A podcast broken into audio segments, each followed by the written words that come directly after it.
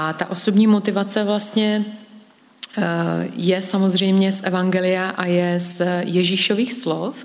A já si vzpomínám, že teď na Vánoce my jsme, my jsme měli bohoslužbu, kde jsme vlastně mluvili o tom, že Ježíš nás eh, volá k tomu, aby jsme byli mírotvorci, aby jsme byli lidi smíření.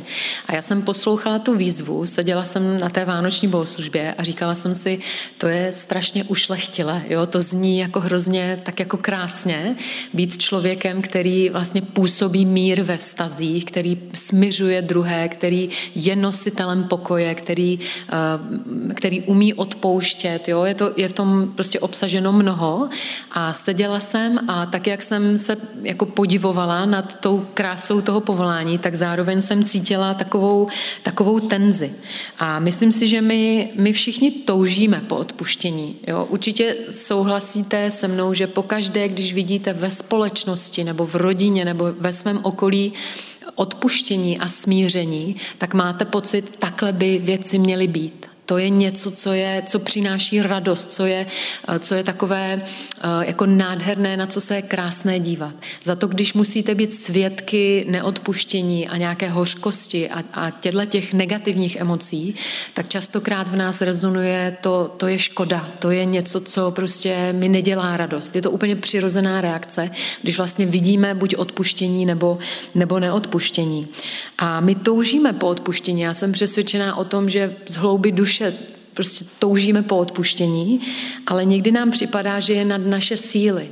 To si myslím, že je jeden ze základních problémů, že nám prostě, že to je nádherné. Jo, my chodíme do církve a tam slyšíme o odpuštění, ale přijde nám to jako úplně z jiného světa. Jako kdyby ti autoři, když, kteří nás vyzývají třeba v Novém zákoně, Pavel a Jan a, a Apoštolové a Ježíš samotný, jako kdyby vlastně mluvili úplně z nějakého ideálního světa a přijde, přijde nám, že vlastně na odpuštění jako my obyčejní lidé vlastně v, v našich každodenních tenzích a konfliktech nedosáhneme dosáhneme. A taky vlastně nás to může napadnout i jakoby v, e, směrem k evangeliu. Já, já vlastně pracuji hodně s lidma, kteří se k Bohu obracejí s nekřesťanského prostředí, úplně bez jakýchkoliv náboženských zkušeností. A ti lidé někdy mi řeknou, já, to je strašně hezký, jak ty žiješ, ale mně přijde, že já nemůžu evangelium žít v roce 2018. Jo? A já jsem strašně ráda, že mi to říkají a že jsou otevření a myslím si, že to je, to je dobrý start a to je dobrý začátek. Když si třeba připustíme, že prostě něco nedokážeme, že, že nedokážeme odpustit, že nedokážeme některé ty ideály, které jsou před námi eh, postaveny, pochopeny třeba skrz nějaké kázání nebo nějaké vzory, které vidíme, že vlastně na ně nedošáhneme. A myslím si, že to je takový upřímný moment, který je někdy takovým začátkem na té naší cestě eh, k usmíření. A když se podíváme vlastně do, do nového i starého zákona, mně se líbí třeba slova apoštola Pavla, který napsal v listě Římanům a on říká, pokud záleží na vás, mějte se všemi lidmi pokoj. Jo, on říká, já vím, že někteří lidé se prostě s váma hádat chtít budou, ale pokud záleží na vás, tak já si přeju, aby, byst, aby, abyste byli lidé, kteří vlastně nebu, nebudou zdrojem nějakých sporů a neodpuštění a, a povyšování se, nějaké diskriminace, všech takových těch uh, deviací v těch vztazích, ale abyste skutečně byli mírotvorci, abyste, pokud to záleží na vás, abyste měli se všemi lidmi pokoj. A potom prostě můžeme vzpomínat na, na nejrůznější slova samotného Ježíše Krista, který skutečně, eh, když třeba se bavíme o Božím království, tak on říká vlastně Boží království patří těm, kteří nesou pokoj, nesou smíření. A myslím si, že lidé, kteří nesou pokoj a smíření, tak potřebují být smířeni sami se sebou, potřebují zažít smíření s Bohem, potřebují vlastně tu proměnu nejdříve pro sebe a taky o tom bych chtěla mluvit. A asi tím jako největším pro mě motivací, nebo to, co jsem v posledních měsících na sobě cítila, co mě osobně motivovalo odpouštět sama sobě, druhým lidem, pomáhat druhým lidem k odpuštění, tak bylo několik takových zmínek o Bohu. Jo? Protože v mém křesťanském životě já, já, se, já se skutečně chci Eh, učit od, od Krista. Já chci, aby moje víra reflektovala hodnoty, aby reflektovala to, co si Bůh přeje. A když například čteme v Žálmu 130 eh, slova žálmisty, tak on píše, bože, u tebe je odpuštění a tak vzbuzuješ bázeň. A já když přemýšlím o svém životě, tak někdy lidé říkají, no jo, odpustit, to je takový levný, to je takový jako mávnutí rukou a říct někomu, já ti odpouštím. A někdy prostě lidé jakoby to berou hodně povrchně, ale já si myslím, že pokaždé, když přijmeme odpuštění nebo nabídneme odpuštění, tak jde skutečně o hlubokou a duchovní záležitost. A žálmista říká, bože, já když vidím, jak ty odpouštíš, tak to ve mně zbuzuje bázeň tak opravdu jako ty v mých očích vlastně rosteš, ty se nezmenšuješ, to není nic levného, to, to není nic jako, eh, co by nestálo za řeč. A Nehemiáš potom, eh, Nehemiáš ve, vlastně v knize Nehemiáš ve starozákoní knize tam je zaznamenána vlastně modlitba Nehemiáše před celým národem a byla to doba takové obnovy, kdy ten národ se obnovoval a ty trosky eh, se stavěly a, začínaly v mnoha směrech znovu. A Nehemiáš se modlí a chce, aby slyšeli lidé tuhle tu věc o, o Bohu, aby, aby jim byl znám boží charakter. A on říká, bože, ty jsi Bůh, který je ochotný odpouštět.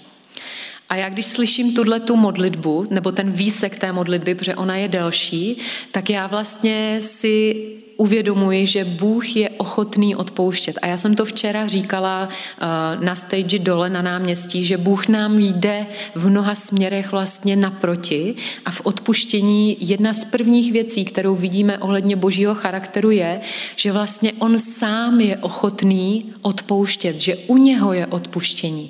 V takového Boha my věříme, že u Boha je odpuštění, on je ochotný, on je rychlý k odpuštění a jeho charakter je vlastně trpělivý, je, je nesmírně zhovývavý a já si vždycky říkám, kdyby jsme to skutečně chápali a zapracovali do své víry, kdyby jsme viděli Boha v takovém světle, tak si myslím, že i sami, když třeba zhřešíme, tak bychom tak neváhali k němu běžet, protože bychom si řekli, ano, u Boha je odpuštění, on je rychlý, on nevyčítá na věky, on, on prostě je rychlý odpouštět. U Boha je od, odpuštění. A mohli bychom jít určitě před přes příběh Mojžíše, kde vidíme neustále odpouštění, neustálou zhovývavost, druhé, třetí, páté, desáté šance. Vidíme, že Bůh je nám vzorem v tom.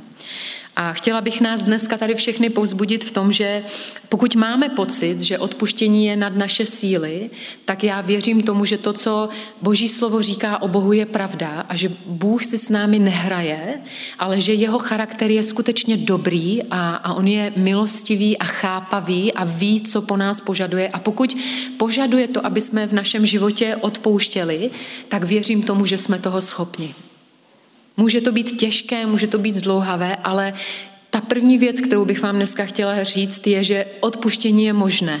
Že odpuštění je možné, že jsme schopni toho odpustit a já se později dotknu ještě některých lidí, které mám jako vzor ve svém životě, kteří, které jsem viděla, že odpustili.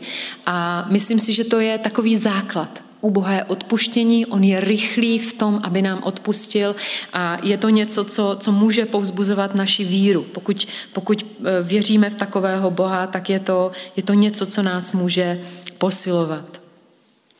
A asi tím největším takovým příkladem o božím, e, božím odpuštění je případ nebo e, podobenství o marnotratném synu. A my tady znova vidíme Boha, který jde kde naproti v odpuštění, který je velmi zhovývavý a i přesto, že si ten syn prosadí svoji a prostě vlastně si likviduje svůj život a ten otec ví, jakým směrem jde, přesto mu dává svobodu, přesto ho pouští na tu cestu té destrukce a pak, když se k němu vrací, tak vlastně eh, to podobenství je skutečně mířeno na nebeského otce. Tak vidíme toho otce, jak on se rozběhne, jak běží naproti a jak nevyčítá, jak je velmi laskavý, jak nevznáší ty výčitky, nezlobí se, nenakládá se svým synem tak, jak by si zasloužil. A to si myslím, že jsou všechno dobré základy k tomu, kde můžeme začít, když přemýšlíme ve svém životě o odpuštění. Ano, my někdy nejsme schopni odpouštět, ale můžeme hledat vzor ve své víře a můžeme hledat vzor v Kristu. Můžeme, eh, můžeme vlastně hledět na boží charakter a můžeme z něj čerpat sílu a můžeme čerpat naději, že skutečně Bůh po nás nechce nic, co bychom nedokázali.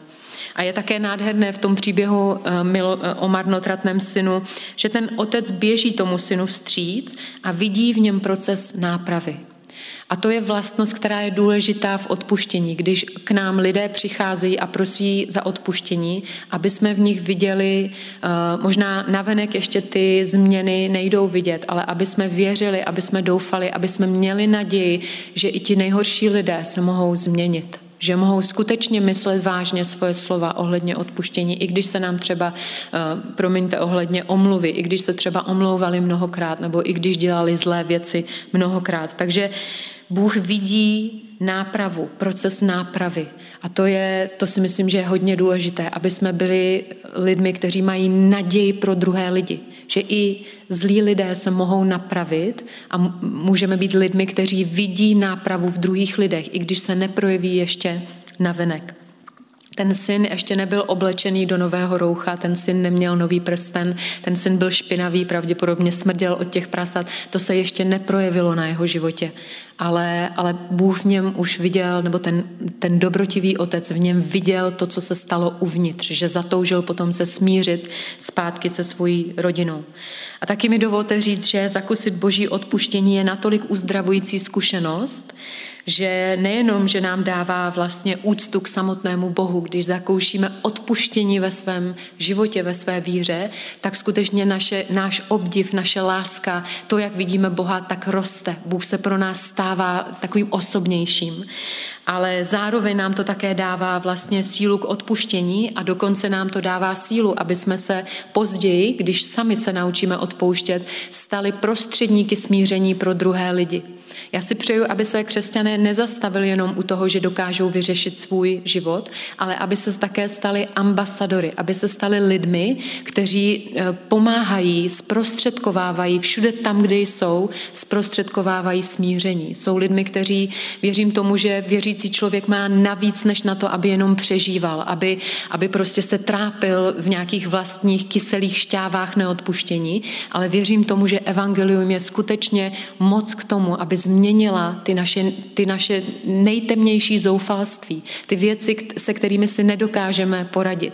A proto já, já jsem pro všechny takové ty, uh, takové ty praktické rady k odpuštění, ale nemohla jsem si odpustit takový ten začátek toho, že skutečně odpuštění má mnoho, mnoho souvislostí s naším duchovním životem, s naším pohledem na Boha, s naším pohledem na svět, pohledem na naše bližní. Takže je to, je to hodně duchovní a já se k tomu vrátím vrátím, vrátím několikrát. A z, zakoušet boží odpuštění, pokud máme autentické, prostě zakusíme v životě, že Bůh nám odpustil, tak jsem přesvědčená o tom, že se to projevuje do toho, že uh, začínáme být schopni. Možná někdy pro někoho to je jednodušší, pro někoho to je složitější proces, ale začíná být reálné to, že dokážeme odpouštět sami sobě. Eh, odpouštíme druhým lidem. Je to pro nás snadnější. Pokud Bůh odpustí nám, tak potom my nacházíme vnitřní motivaci a sílu a lásku. A láska k Bohu se pro nás může stát vnitřní motivací také k lásce k bližnímu. Eh, věřím, silně tomu věřím, že bychom se neměli zastavovat v bodě, kdy sami si vyřešíme svoje konflikty a tenze, ale že bychom se postupně měli dopracovat do toho, že my začneme přinášet, budeme prostředníky pro druhé lidi. A je to nádherné. Já jsem měla několikrát možnost a Bůh si mě se svojí milostí použil k tomu, že jsem v rodině nebo ve škole nebo v zaměstnání mohla otupit hrany a mohla jsem říct, ještě jednou si o tom pojďme promluvit, ještě jednou se pojďme podívat na obě strany strany toho konfliktu a snažme se najít řešení, kde, kde budeme mít všichni prostor, kde budeme moc růst a rozvíjet se a nebudeme si vzájemně překážet. A i, i o tom prostoru bych dneska eh, chtěla říct několik věcí. Takže to je jenom na takový úvod, co jsem si říkala, že, že je důležité pro nás, aby jsme si uvědomili, že odpuštění hodně souvisí s naší vírou, že, že odpuštění je duchovní záležitost, že i, i podle mě je to, je to, jsou to spojené nádoby. Ale to, čemu bych se chtěla nejvíce věnovat dneska, je takový velký příběh ze Starého zákona. A já věřím tomu, že dříve, než se bavíme o odpuštění, tak je někdy důležité se bavit i o tom, co se stalo, o té tenzi, o, o tom ublížení, o, o nějakém, eh, o těch negativních věcech, protože uh, myslím si, že tam vzniká uh, ta situace, která postupně potom přináší potřebu odpuštění. A ten příběh, který jsem vybrala, tak sama pro sebe jsem si nazvala Anatomie konfliktu a odpuštění. A je to skutečně příběh jedné starozákonní rodiny, která projde takovou destrukcí a jejich vztahy se rozpadají a postupně vlastně uvidíme smíření dvou bratrů. A když už mluvím o smíření dvou bratrů, tak možná vám dochází, že budu citovat vlastně život Izáka a jeho ženy a jeho dvou nebo jejich dvou synů Jákoba a Ezaua. A dovolte mi říct, že eh, častokrát se díváme na ten příběh pouze optikou toho, jak ten Ezau prostě eh, byl takovej prostě hloupej a prodal to svoje prvorozenství tomu eh, lstivému Jákobovi a díváme se na to optikou toho hlavního příběhu. Ale pro, pro tu anatomii konfliktu a odpuštění já bych ten příběh dneska chtěla dát jako více zazumovat a všimnout si skutečně těch vztahů v té rodině a to, co se děje děje v těch jednotlivých konfliktech a co se děje v tom odpuštění mezi těmi sourozenci a co se děje s těmi rodiči a, a zastavit se v několika konkrétních momentech, jak toho konfliktu, tak potom toho následného odpuštění. A je to teda příběh, který už jsem zmínila, příběh Izáka a nejvíce se budu dneska věnovat Ezaovi a Jákobovi. Chci mluvit o těch dvou znesvářených na život a na smrt, doslova bratrech, eh, kteří došli do bodu, kdy, kdy museli od sebe se fyzicky oddělit, protože Ezau chtěl vlastně zlikvidovat, chtěl zabít svého bratra. Tak zlý byl jejich vztah, tak destruktivní ten vztah v té rodině byl. A my všichni, kteří máme sourozence, tak jsme, když jsme byli děti, tak jsme určitě řekli, že bychom zabili svého bratra nebo zabila bych tu svoji sestru, zase mi vzala oblečení z mé skříně. Ale já se obávám, že v tomhle příběhu nešlo o nadsázku. Já se obávám, že tady skutečně Ezau došel do bodu, kdy chtěl fyzicky zlikvidovat svého bratra a k tomu se, k tomu se ještě Eh, postupně propracujeme. Takže já bych chtěla převyprávět a odpuste mi, že ten příběh musím trochu zrychlit, protože my bychom nestihli úplně všechny ty detaily, ale já převyprávím takové eh, důležité momenty, které se právě týkají konfliktu a týkají se usmíření a chtěla bych, aby jsme se na ně podívali a aby jsme se z nich naučili něco praktického, něco možná do našich situací, do našich tenzí a do našich eh, každodenních životů. Eh, ten příběh má několik rovin a já bych vlastně nejdříve chtěla úplně na samotný začátek mluvit chvíli o Izákovi, o otci těch dvou dnes znepřátelených bratří. Izák to byl člověk, který se narodil Abrahamovi a Sáře. My víme, že oni dlouho měli prostě negativní těhotenský test, nemohli prostě, nemohli otěhotnět, bylo to pro ně složitý, bylo to trauma a Bůh jim zaslíbil syna. A pak jednoho dne prostě drží rodiče fyzicky to boží zaslíbení, drží ve svých rukou a narodí se Izák a byl to nádherný moment. Bylo to něco, co, co byl nádherný start pro tu rodinu.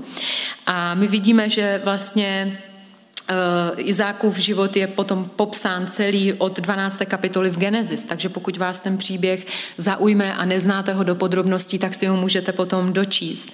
A samotný vlastně, když se podíváme na samotného Izáka a dáme stranou ten hlavní příběh, tak vidíme, že například napodoboval chyby svého otce.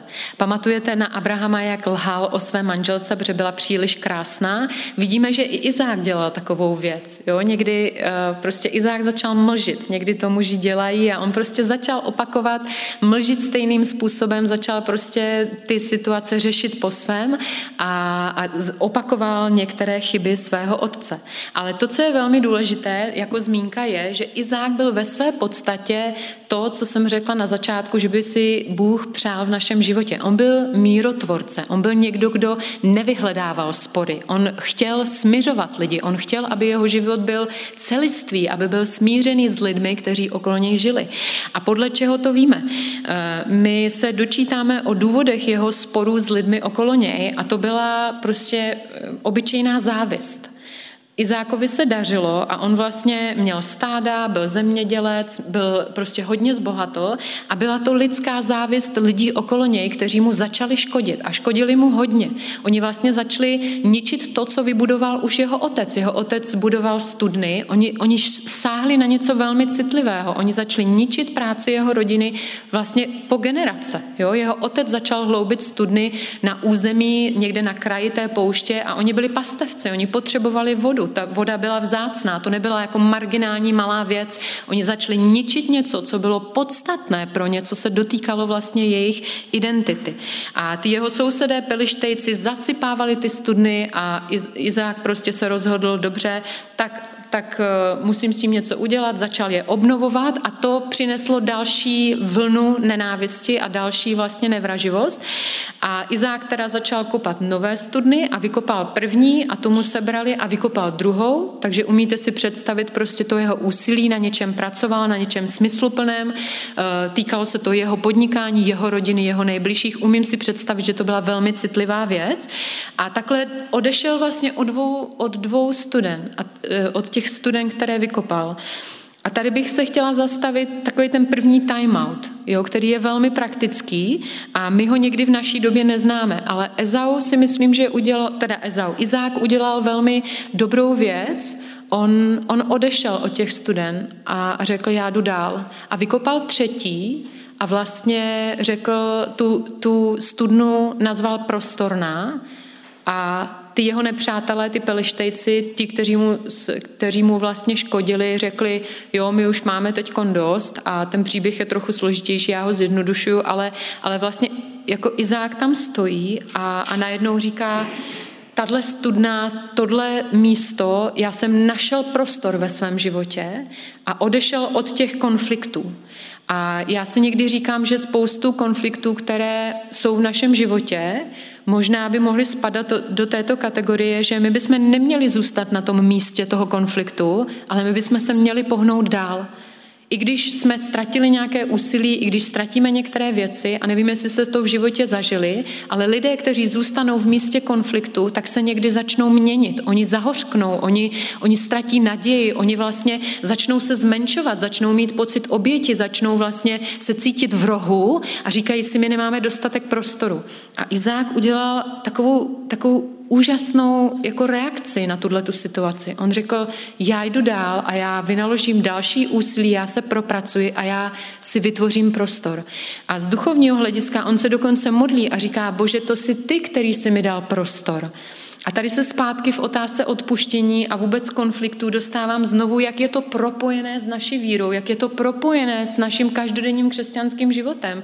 Že vlastně my také můžeme říct, ano, některé situace mě tlačí, některé, někteří lidé mě okrádají, někteří lidé vlastně mě táhnou do kouta, ale moje víra si uvědomuje, že ten prostor v životě ve finále určuje můj Bůh, že on mi může tak požehnat, že vlastně mě z toho kouta dostane. A Izák se dostal z toho kouta a je o něm napsáno, tu studnu nazval prostorná. On cítil, že má ve svém životě prostor. A pokaždé, když se cítíte neohroženi, tak vlastně s lidmi nemáte důvod bojovat. Tak jste ti, kteří vlastně přináší smíření a kteří se nebrání odpuštění, protože máte dojem, že máte dostatek prostoru ve kterém se můžete realizovat. A k tomu prostoru my se dneska vrátíme mnohokrát. A přijde mi to skutečně jako skvělá, skvělá jeho reakce. A Izák šel tedy dál, nazval tu studnu prostorná a mohli bychom si říct, to je úžasné. Mírotvorce. V celém tom regionu ty, ty znepřátelené kmeny, prostě on je dokázal nějak jako od sebe odtáhnout, ten konflikt vlastně dal stranou a dokázal žít v míru. Jo, dokázal tohle zajistit. A řekli bychom si, tak to se projeví určitě i v ostatních oblastech jeho života, ale vůbec to není pravda. Když se potom podíváte do Izákovy rodiny, tak vidíte, jak, v jakém rozkladu a v jaké tenzi je, co tam vlastně prožívali eh, jako manželé s Rebekou, to, co prožívali, jak upřednostňovali svoje syny a my se k tomu ještě dostaneme, ale vidíme, že vlastně Izák uh, zvládl sice tenzi v tom podnikání a s těma sousedama, ale nezvládl tenzi nebo konflikt eh, ve svém, někde v jiné oblasti svého života. A dovolte mi říct, že existují různé konflikty v našem životě a my si potřebujeme uvědomovat, o které konflikty jde. Jsou určitě konflikty a jsem vděčná Bohu za to, které zvládáme. Jsou konflikty, které zvládáme. A odpuštění a ty tenze jdou rychle zvládat. Uděláte nějaké modifikace, nějaký prostě praktický kroky a ta tenze je pryč a odpuštění a smíření je na stole. Je to, je to zpátky mezi vámi. Pak jsou ale konflikty, ve kterých nevíme, co máme dělat. Vůbec nevíme. Já mám takové prostě vztahy s lidmi, kde se neustále jakoby přetahujeme a já ve své podstatě nevím, co mám dělat. A pak jsou dokonce konflikty, ve kterých vyloženě chybujeme a děláme grandiozní chyby a všechno, co děláme, tak vlastně zhoršujeme a jdeme spíš od, od, od nějakého smíření, spíš jdeme na opačnou stranu. A to si myslím, že je důležité, aby jsme si uvědomili, že jsou konflikty, které vyřešíme, ale pak můžou být konflikty úplně jiné povahy, se kterými zápasíme. Prostě náš život není jako černobílý, je to, je to mnohem složitější. A já bych si někdy přála, aby odpuštění nebo řešení konfliktů eh, bylo, bylo jednodušší, ale někdy, je to, někdy jsme dezorientovaní a potřebujeme nějaký čas na to se zorientovat.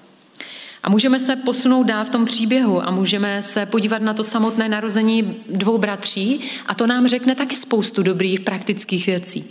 Protože už to samotné narození těch dvou bratří provázelo konflikt. Pokud znáte ten příběh, tak víte, že už na tom porodním sále se to mlelo, že, ty, že vlastně ty, ty miminka, ještě než, než vlastně vyšly ven, tak, tak spolu zápasili. Tak vlastně Rebeka věděla, že prostě zápasí a chytali se různě za paty a muselo to tam vypadat strašně.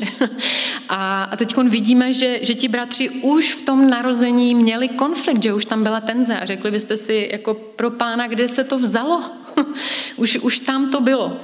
A mě to připomíná eh, Shakespeareovskou hru Romeo a Julie. Pokud aspoň trochu ji znáte, tak víte, jak ti dva skrytí milenci se narodili do konfliktu. Oni se o něj nepřičinili, oni se do něj narodili, ty rody byly znepřátelené a oni museli skrývat svoji lásku a narodili se do té rivality. A dovolte mi říct, že některé vlastně konflikty v našem životě, my jsme se o ně nepřičinili. A, a souvisí to potom, jak k ním přistoupíme například v našem odpuštění. My jsme se ničím nepřičinili, my jsme se do toho narodili. A může to být rodina, která vám vlastně dala nějakou nenávist k někomu jinému. Eh, může to být prostě situace reálná, kdy jste přišli k nějakému konfliktu, do kterého jste jakoby spadli úplně omylem, nijak jste se nepřičinili a najednou vidíte, že jste se v úvozovkách do něj narodili. A myslím si, že o tom je také evangelium, že nám vlastně říká, my lidé se rodíme do konfliktu, my jsme se narodili hříšní a apoštol Pavel to říká nádherně, kdy říká vlastně, dokud nás Kristus nezachránil z našich vin, byli jsme Bohu nepřátelští a to jak svým myšlením, tak svým jednáním. A některé konflikty my takhle máme. My ani nevíme, proč nás někteří lidé provokují. Proč s nimi máme neustále konflikty? Proč odpuštění je tak těžké? A myslím si, že to je, to je důležitá zmínka. A je důležité, aby jsme chápali, že některé věci jsou hlubší než jenom samotné naše jednání, jestli, chováme, jestli se chováme správně nebo špatně, jestli nám někdo ublížil. Některé ty konflikty jsou mnohem hlubší a vlastně nás, nás znovu vrací k těm duchovním otázkám našeho života. Do některých konfliktů se prostě rodíme. A, a možná máte osobní zkušenost s tím, ani nevíte, jak jste k takovým věcem přišli a, a prostě jsou ve vašem životě a vy se je musíte naučit zvládat. Můžeme se podívat dál a můžeme se vlastně podívat na to, jak v tom příběhu ty chlapci rostli. A tady je to taky velmi, velmi jako důležitá zmínka. Když se podíváme na to, jak ti dva bratři rostli, tak vidíme, že každý byl jiný. A i to je v našem životě častokrát takové místo, kde nastávají tenze, konflikty a kde je potřeba odpuštění. Když vyrůstáte nebo jste v kontaktu s jiným člověkem, tak vlastně je to někdy výzva. A Ezau to byl lovec, to byl mačo, to byl dobrodruh, to, to byl prostě člověk, který vyhledával adrenalin. Jákob to byl takový mamánek. Já, jsem, já si ho představuji jako mamánka, vždycky za maminkou a doma a v bezpečí. A vidíme, že to provokovalo, je vůči sobě navzájem. A někdy nás naše, naše rozdílnost provokuje a někdy je právě odpuštění potřeba v situacích, které jsou vypro, vyprovokovány odlišností.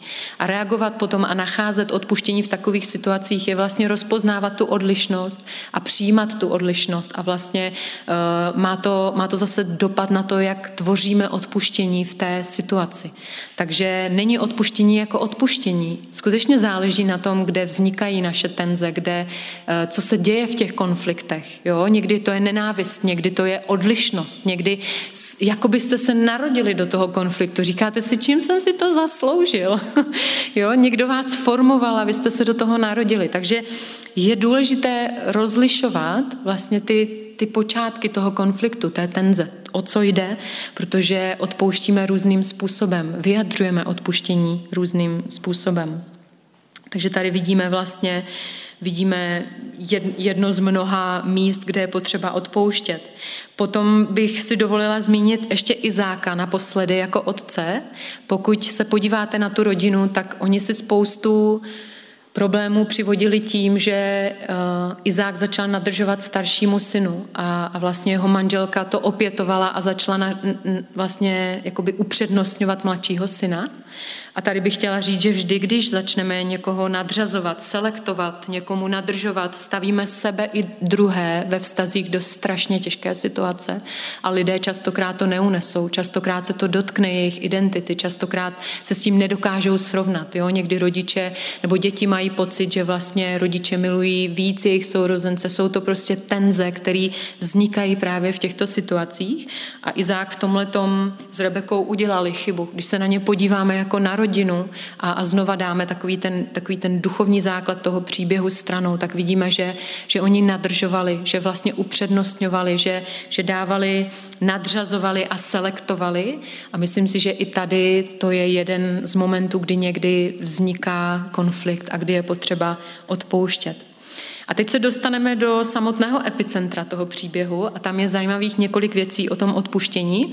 My víme, že Jákob prostě uh, okradl nebo mm, jako lstí vlastně přechytračil svého bratra a vidíme, že že přichytračil i svého otce, že si, že si prostě násilím vzal to požehnání, které eh, v dávnověku znamenalo skutečně všechno. Byly to výhody prvorozeného, byly to, bylo to skutečně osobní pro Ezava. A vidíme, jak se z těch dvou bratrů stávají soupeři, jak soupeří. A nevím, jestli jste se někdy uh, nad tím zamysleli, ale uh, Jákob vlastně proč to dělal? Jo? Proč, proč vlastně, co, co ho k tomu vedlo? A když se podívám na Jákopa, tak jeho život mi přijde jako taková poškrábaná gramofonová deska, jako kdyby měl v hlavě hlasy, eh, ptal se neustále dvě takové otázky, jako kdo jsem já a neustále si na ně od, jako odpovídal, já jsem nedostatečný druhorozený syn, a potom se ptal neustále otázky, kdo jsi ty, jakoby směrem k Ezaovi. A tam on si sám doplňoval vlastně, ty jsi člověk, a, který má něco, co já nemám a co, co nemůžu mít. A přijde mi to jako taková krize identity. Přijde mi to, že opravdu on byl jako pochroumaná, poškrábaná gramofonová deska a nedokázal se s tím srovnáváním prostě dát nějak do pořádku. A srovnávání a porovnávání někdy může být jako hodně triviální a někdy může být směšné. Já z ženské zkušenosti vím, že ženy mají, prostě jsou, jsou přebornice v porovnávání, že se rádi jako, nevím jestli rádi, ale prostě to děláme a je to někdy, je to někdy prostě nepěkné, ale myslím si, že to začíná velmi, i v životě těch dvou bratrů velmi nenápadně, jako je to porovnávání se, kdo jsem já a kdo jsi ty, ale roste to dál. Vidíme to, že vlastně oni se stávají soupeři. Oni spolu začí, začínají soupeřit. A znáte ty situace ve svém životě, kdy když víte, že začínáte soupeřit s lidmi a začínáte v nich vidět svoje protivníky, že to mění vaše jednání, že to mění vaše postoje, mění to vaše chování. Já když s někým soupeřím, tak se chovám nepřátelsky. Tak vlastně chci vyhrát některé věci.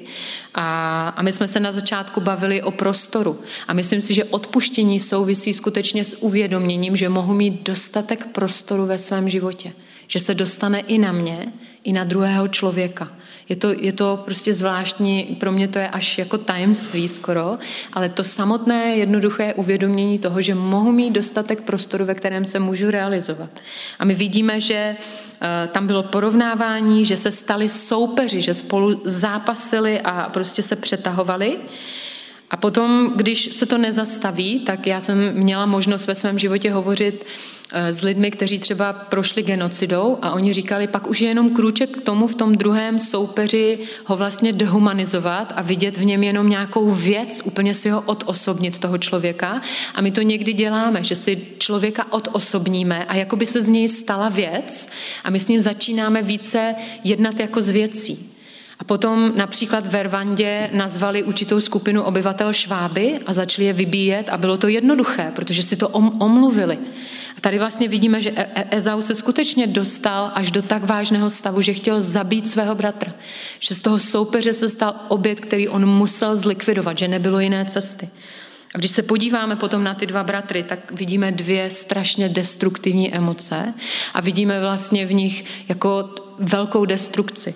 U, u Ezaua vidíme, že ho žene nenávist a hněv, vidíme, jak má prostě hořké slzy, jak má bolest z toho, jak byl podveden, vidíme, jak vlastně v něm roste ten hněv a roste v něm ta nenávist a vidíme, že je tak zničený, že si řekne, není jiné cesty, než abych prostě svého bratra zničil, abych ho zlikvidoval. Tak daleko došla ta destrukce v tom, tom stavu. Vůbec si nedokázal představit, že by mu odpustil to, co mu udělal.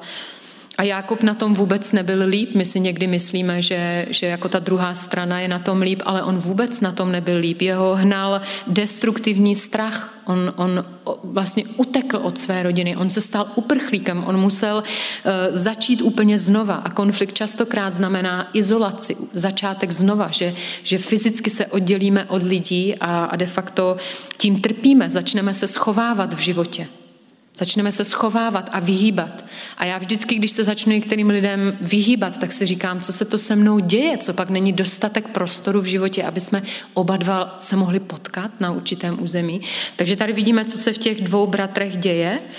A to, co je zajímavé, je, že skutečně ti dva bratři se rozdělili na více než 20 let. A my víme více o Jákobovi a víme toho méně o Ezaovi, ale dostaneme se k oběma jejich reakcím po té, co se zhledali a co se smířili. A je, myslím si, že je největší chyba někoho tlačit do obnovení vztahu jenom z povinnosti, je největší chyba mluvit o odpuštění obecně, jakože si obecně vztáhneme obecné kázání o odpuštění přímo pro svoji situaci, protože jsme skutečně individuální. Naše, naše příběhy se v mnohém liší a myslím si, že neexistují šablony, že musíme být velmi opatrní, jak, jak vlastně zacházíme s radami, když nás druzí lidé uh, se snaží nasměrovat na odpuštění. Myslím, že to je, je dobře, že jsme nasměrováváni, ale myslím si, že je velká chyba tlačit někoho automaticky k odpuštění. Že někdy, pokud by se vám to stalo, tak můžete úplně v klidu říct, já, já, já jdu tím směrem, já jdu směrem k odpuštění ale na některé věci ještě nejsem připravený. A ti bratři eh, trvalo 20 let, než došlo, nebo více než 20 let trvalo k tomu, než, než byli schopni se znovu vidět tak, tak ten vztah byl vlastně poničený. Takže vidíme dvě strany konfliktu, vidíme dva lidi, vidíme dvě děsivé emoce, vidíme hněv, vidíme, vidíme strach. Vidíme, že všechno je špatně, že, že to je skutečně v rozkladu, že, že to je lidská zkušenost ve vztahu, který není v pořádku a který potřebuje odpuštění. A vidíme tam také, že tam byly jasné překážky tomu smíření. My vidíme, že Ezau se cítil ponížený. Častokrát lidé, kteří se vyhýbají eh, odpuštění, tak to je proto, protože se cítí, že, že je někdo ponížil. Jsou tam hluboké jizvy mezi těmi bratry, jsou tam skutečně hluboké jizvy, které bychom neměli podceňovat a vidíme, že v jejich případě to, než se postavili k sobě tváří tvář, trvalo více než 20 let. A to si myslím, že bychom neměli podceňovat, že bychom měli být opatrní, jakým způsobem vlastně chceme tu cestu odpuštění jít, že to nemusí být rychlý, vůbec rychlý proces a jsme v tom velmi individuální a měli bychom v tom mít moudrost. Proto je také v usmíření, nebo to, co znamená usmíření, je, že to je vlastně navrácení sebeúcty. Pokaždé, když vidíte usmíření, tak vlastně vidíte dva lidi, kterým se vrací sebeúcta, kteří znova reagují na to, že mají, že mají vlastně prostor ve svém životě. Je to něco, co je skutečně, co se týká uzdravení těch jizev, uzdravení toho ponížení a navrácení se sebeúcty. A proto věřím, že Ježíš je vzorem, velkým vzorem smíření a, a odpuštění, protože pokaždé, když čtete ty příběhy v Evangeliu, všimejte si, jak Ježíš pozvedal lidi a jak jim vracel zpátky důstojnost. Jak lidé, kterými bylo opovrhováno, kteří byli marginalizováni, kteří vlastně měli morálně rozložený život, Ježíš k ním přichází a vrací jim jejich důstojnost. On se stává jejich spasitelem, ale tady na této zemi jim také vrací důstojnost, vrací je vlastně do, do jejich života. A potom vidíme vlastně bod obratu, takový zvláštní bod obratu. Jákob začíná v nové zemi, vrátíme se zpátky k jeho příběhu a lidé okolo něj mu zač- začínají dělat věci, které on dělal druhým lidem. Začínají ho podvádět, začínají se mu prostě uh, různě, různé lsti, vidíme prostě problémy v jeho podnikání, strakaté ovce a, a nestrakaté ovce, vidíme konflikt s jeho dvěma ženami, vidíme prostě spoustu věcí. Lidé ho oklamávají v jednom kuse. Jo, takže nejenom, že měl dost špatný rodinný start, ale jeho takové ty vztahy komplikované dál pokračují v jeho životě i na tom novém místě. A to mě vlastně přináš, přivádí jakoby k tomu, že před těmi věcmi neutečeme. Najdou si nás i na jiných místech. Jo, je, to, je to něco, co musíme řešit. Pokud máme nějaké tenze nebo máme ve vztazích nějaké problémy, tak, eh, tak potřebujeme je řešit, protože Jákob začal nový život a přesto vidíme, že se, že se dostal do, do velmi podobné situace. A velký zlom a to nádherné, co v tom příběhu čteme, je, že vlastně Bůh k němu v tomhletom momentu promluvil. A když se podíváme do Genesis 31. kapitoly, tak tam vidíme vlastně, co Bůh Jákobovi řekl. On mu řekl, vrať se do země svých otců a ke svému příbuzenstvu, já budu s tebou. To je všechno, co Jákob slyšel. A když si to probereme a řekneme si, co teda se stalo, tak vlastně Bůh Jákoba znova staví do hry. Bůh ho staví na křižovatku, kde Jákob se rozhodne, kam má jít. A když se zamyslíme, co teda Jákob slyší, když k němu Bůh mluví, tak vlastně Jákob si říká, ano, Bůh po mně chce, abych šel zpátky domů, ale to vlastně znamená, že se budu muset smířit s těmi lidmi. To znamená, že budu muset najít nějakou cestu ke svému bratru.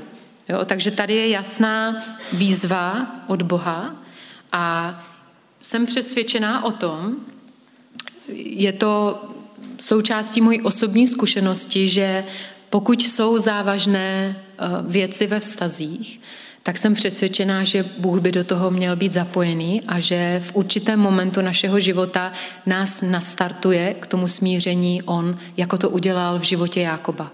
Že vlastně řekl Jákobovi, připomněl mu, a, a řekl mu, já chci, aby se zvrátil, já chci, aby se smířil.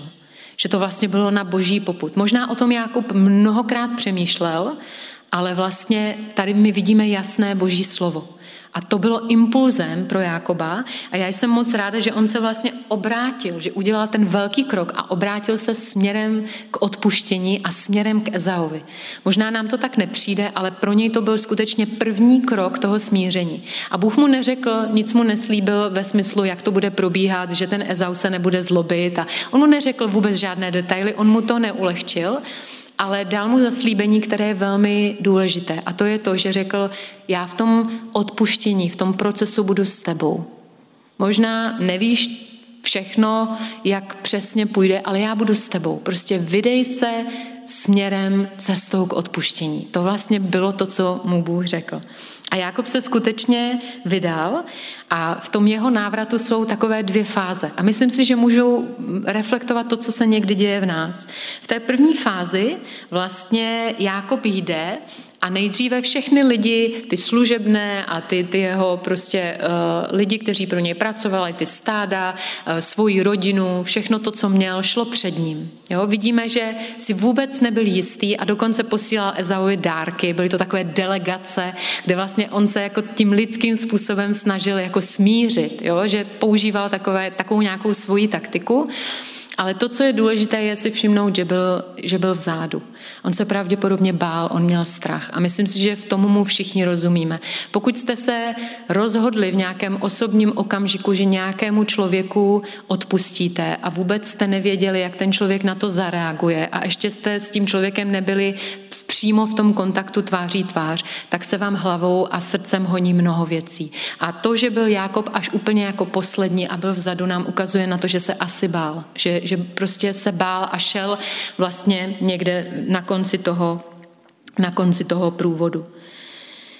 A potom je tam takový zvláštní moment, který si myslím, že taky může, eh, že někteří z nás s ním můžou eh, mít zkušenost a je to znovu duchovní moment v, tom, v té obnově odpuštění a vztahu v našem životě.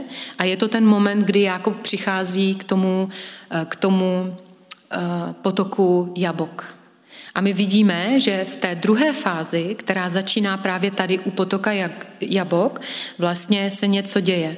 On veme všechny, kteří k němu patří, všechny ty sluhy, tu rodinu, všechno, co má, všichni, kteří jsou s ním, celý ten zástup a řekne, běžte na druhý břeh a já zůstanu, tady sám. A myslím si, že to je zase přeneseně to, co nám to říká. Myslím si, že to je nádherný obraz, že v odpuštění jsme vždycky sami za sebe že skutečně se za nikoho neschováváme, že máme odvahu a řekneme si, ano, já jsem tady sám za sebe. A co udělal Jákob v tomhle těžkém momentu? On začal bojovat sám se sebou a začal bojovat s tou situací. A já když prostě si vzpomenu na některá svoje rozhodnutí, že některým lidem, kteří, mi od, eh, eh, kteří, kteří se mě nějak dotkli nebo mi ublížili, že jim odpustím, tak jsem měla někdy bezesné noci. Tak jsem vlastně neustále myslela na ten rozhovor, neustále jsem si představovala ty lidi, ten rozhovor, to, eh, ten všechen zmatek v tom vztahu a dokážu si představit, že takovouhle agonii začal ten, ten jeho zápas. Ale co se stalo? On najednou začal zápasit s nějakým podivným cizincem nad ránem a my z jiných částí Bible se dozvídáme, že to byl samotný Bůh. Takže Jákob zápasí sám se sebou, se svým strachem, Jákob zápasí s celou tou situací. Umím si představit, že si říká, naposledy jsem svého bratra viděl a chtěl mě zabít a, a přesto Bůh chce, abych se s ním jako setkal. Myslím si, že to musela být strašná noc pro něj, že to musela být agonie, že to muselo být velmi těžké. Ale pamatujme na to, co jsem řekla ze začátku a řekla jsem to jenom na základě Evangelia, že Bůh po nás nechce věci, které nedokážeme. Že věřím, že On je dobrý, že On po nás, že si s námi nehraje jako myš, jako kočka s myší, ale že on prostě, on, on nás požádá o něco, co je reálné. A tady vidíme, že ten zápas prostě Jákob ustal, protože když se rozednělo, tak eh, Bůh prostě řekne, já ti měním jméno, ty si odvážně zápasil s lidmi i s Bohem. A někdy si myslíme, že ten náš zápas vnitřní je Bohu úplně jedno, ale Bůh ho oceňuje. Bůh ho oceňuje. Pokud vnitřně zápasíš s někým a snažíš se, a Jákob se vydal směrem k odpuštění. On tam ještě nebyl, ale on se vydal k němu. A Bůh to ocenil a řekl, já ti měním jméno, já, já měním to, kým ty jsi, já tě uzdravuju, já, já ti dávám v životě prostor zpátky. A to, co je zajímavé, je, když Jákob řekl, že vlastně popsal ten zápas a říká, viděl jsem Boha tváří tvář a přežil jsem, zůstal jsem naživu. A pamatujte si tu zmínku, viděl jsem Boha tváří v tvář, protože bude ještě důležitá. A já jsem přesvědčena o tom, že opravdové konflikty v našem životě vyžadují skutečně setkání s Bohem nejdřív že potřebujeme, aby pro nás Bůh vytvořil prostor, protože my sami někdy nedokážeme odpustit a snažíme se, ale, ale je to skutečně mnohem hlubší a je to mnohem komplexnější a je to naše víra a naše zkušenost s Bohem s tím má mnoho společného. A to, co se dělo po té, co se Jákob setkal s Bohem u, u potoka Jabok, je to, že najednou se Jákob staví do čela toho průvodu. Najednou je v čele. Najednou se říká, ano, já na to mám, já opravdu můžu jít jako první, já se nemusím za nikoho schovávat. A já jsem to ve svém životě zažila, že jsem někdy druhé lidi jako tlačila do toho, ať mě smíří s někým, ať to jako připraví. A pak jsem zažila taky chvíle, kdy jsem si řekla, já se postavím tomu čelem. A měla jsem ohromnou radost a byla to boží milost, která mi dávala sílu to udělat. A úplně stejně Jákob se staví do čela toho průvodu A pak vlastně vidíme, že se setkají ti dva bratři a je, vidíme, že ta omluva tam neprobíhá ani tak slovně, ale vidíme tam lítost. A to je jedna z tváří té omluvy, že vidíme, že tady ti bratři měli lítost a vlastně vypadá to, jako kdyby si beze slov řekli, ty jsi mi chyběl, já, já jsem tě postrádal ve svém životě. Vidíme tam slzy, vidíme tam obětí, oba dva začnou plakat. A když se podíváme do Genesis do 33. kapitoly, tak tam vidíme prohlášení těch dvou bratrů a vidíme tam znova to slovo prostor. A oni říkají, Ezau říká, proč si mi posílal ty dárky, proč si posílal ty procesy, proč si posílal ty, ty dary, které šly mým směrem. Teď mě přeci nejde o to, co máš, a pamatujme na to, že to bylo o tom, co ty bratři měli. Oni se hádali o to, co měli nebo neměli. A najednou Ezau po více než 20 letech přichází a člověk sebevědomí a říká, já nepotřebuju to, co mám. Mě Bůh požehnal, já mám dostatek prostoru, já to, co chci, je smíření, já chci zpátky svého bratra. A vidíme, vidíme Jákoba, který vlastně pláče a jsou v oběti a říká, ne, ne, ne, vem si to, vem si to, co já mám, protože mě Bůh taky požehnal a taky mi dal dostatek prostoru. A najednou vidíme dva lidi, kteří po nějaké době každý zvlášť našel svůj životní prostor. Našel, vybojoval si ty svoje vnitřní záležitosti a vidíme, že se setkávají v ten správný čas na správném místě. Jsou tam dva lidé, kteří mají dostatek, mají, mají pocit, že mají dostatek. A já si myslím, že to je, to je součást té cesty k odpuštění. Že to nezačíná tam, kde my si myslíme, tou konfrontací uh, tváří v tvář někomu, kdo nám ublížil, ale že to může klidně začít bez toho člověka, úplně na jiném místě, ale my tu věc otevřeme a my se vnitřně dáme k dispozici té cestě k odpuštění. Ten první krok je směrem k cestě k odpuštění. A já jsem některým lidem odpustila vlastně bez nich. Oni u toho nebyli, oni byli daleko, ani o tom nevěděli, ani mě ještě nepožádali o odpuští, odpuštění, ale moje srdce vnitřně se nasměrovalo na odpuštění a já jsem věděla, že já jsem se rozhodla. Já jsem nevěděla, jak se rozhodl ten druhý člověk, ale já jsem se vnitřně rozhodla a najednou jsem viděla změnu v té druhé straně, jak jsme se začali přibližovat a jak jsme najednou cítili, ano, je možné, my oba dva můžeme mít dostatek prostoru. A pak je tam poslední zmínka, která mně přijde hodně taková vtipná. Uh, oni se smíří. My vidíme nádherný moment. Je to happy end. Je to prostě, je to skoro jako z Hollywoodu. Je to ten happy end, který skončil dobře. Ale dovolte mi říct, že přesto ti dva bratři si nepostavili dvojdomek. Oni nebydleli spolu. Oni vlastně došli smíření, ale potom se rozdělili, rozloučili se a každý z nich šel jiným směrem. A tohle to je jedna z, vlastně z takových teorií odpuštění, že, že někdy si lidé říkají tomu člověku odpustíme a všechno bude v pořádku, ale my víme, že to ještě to je ještě hodně daleko. Že ano, někdy my odpustíme a ty věci se začnou srovnávat a můžou být vlastně nové, nikdy nebudou jako předtím, nemůžeme prostě vrátit některé věci, některé zlé věci mají silné následky, ale můžou být nové a můžou být společné. Někteří lidé můžou zpět jít do budoucnosti po té, co si odpustí. Ale jsou někdy situace, kdy si lidé odpustí a nepostaví dvojdomek a, a rozchází se. A potřebují vlastně každý jít sám svojí cestou. A myslím si, že na tom není nic špatného. Někdy máme od sebe vysoká očekávání. Někdy, si, někdy po sobě chceme věci, které ani Bůh po nás nežádá. A tady v tomhle příběhu my vidíme, ano, happy end, ale není tam dvojdomek. Oni se prostě nesestěhovali. Oni pak každý potřebovali svůj prostor a každý šel úplně jiným směrem. A to si myslím, že je hodně, hodně důležitá zmínka. A dokončila bych jenom, jenom takovým povzbuzením, které, které je pro mě uh, hodně osobní. A já vlastně, když, když přemýšlím o odpuštění a přemýšlím o té první části, kterou jsem vám řekla, o tom, že Bůh má má vlastně u sebe odpuštění, že je ochotný odpouštět, že od něj se můžeme učit, tak pokaždé, když mě Kristus k tomu vyzývá, tak já se snažím to zapracovávat do svého života. A není to jednoduché, ale snažím se, aby ve mně jeho slova přebývala, aby zdomácněla ve mně jeho slova, že Kristus chce, abych byla mírotvorce, abych nebyla zdrojem konfliktů a on chce, abych druhým lidem odpouštěla. A Ježíš, uh, promiňte, Jan v 15. kapitole vlastně cituje Ježíšova slova a říká, Ježíš tady vlastně svým učedníkům říká, jestliže zůstanete ve mně a má slova zůstanou ve vás, jo, tady je taková podmínka, jestli moje slova zůstanou ve vás, tak proste o co chcete a stane se vám tak.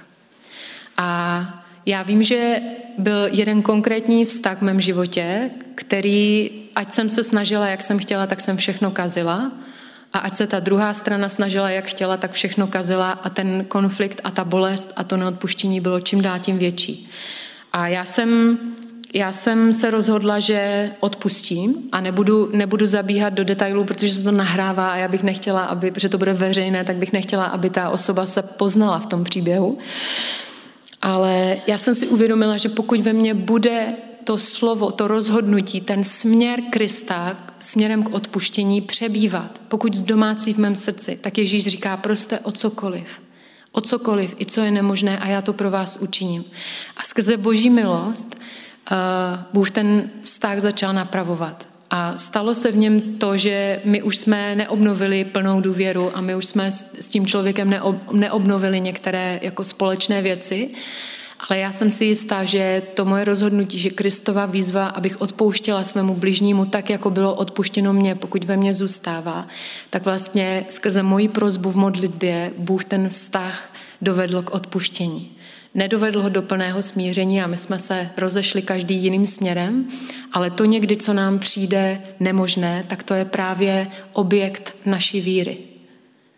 To, to by nemělo být tím, co na sebe klademe jako nějaký požadavek. To, co nemohu udělat, tak bych na sebe neměl klást jako požadavek, ale možná bych to mohl přetavit v prozbu v modlitbě. A mohl bych upravovat a modifikovat to, co mohu ovlivnit. Svoje nějaké přebývání v Kristu a, a vlastně ukládání, zdomácňování toho jeho slova o tom, že je důležité odpouštět. A to je takové závěrečné moje, jako taková tečka za tím seminářem. A já doufám, že ten seminář byl vlídný, že, že, že to bylo něco, co, co nedalo víc požadavků, co máte dělat nebo nemáte dělat. Ale chtěla bych vás jenom povzbudit k tomu, že naše víra je skutečně potenciál k tomu, aby nejenom, že si upravíme vztahy a zranění v našem životě, ale že dokonce budeme prostředníky pro druhé lidi, protože síla Evangelia může proměnit náš život do takové míry, že budeme schopni přinášet a budeme vlastně druhým lidem asistovat v tom, aby mohli nacházet smíření. Takže to je za mě všechno. Já tady ještě zůstanu chviličku uh, u té přední lavice, pokud byste se chtěli na něco zeptat. Moc vám děkuji, že jste přišli na tenhle ten seminář a přeju vám, abyste si užili, abyste se vyfestivalizovali, jak jen to jde. Takže děkuji moc za vaši účast.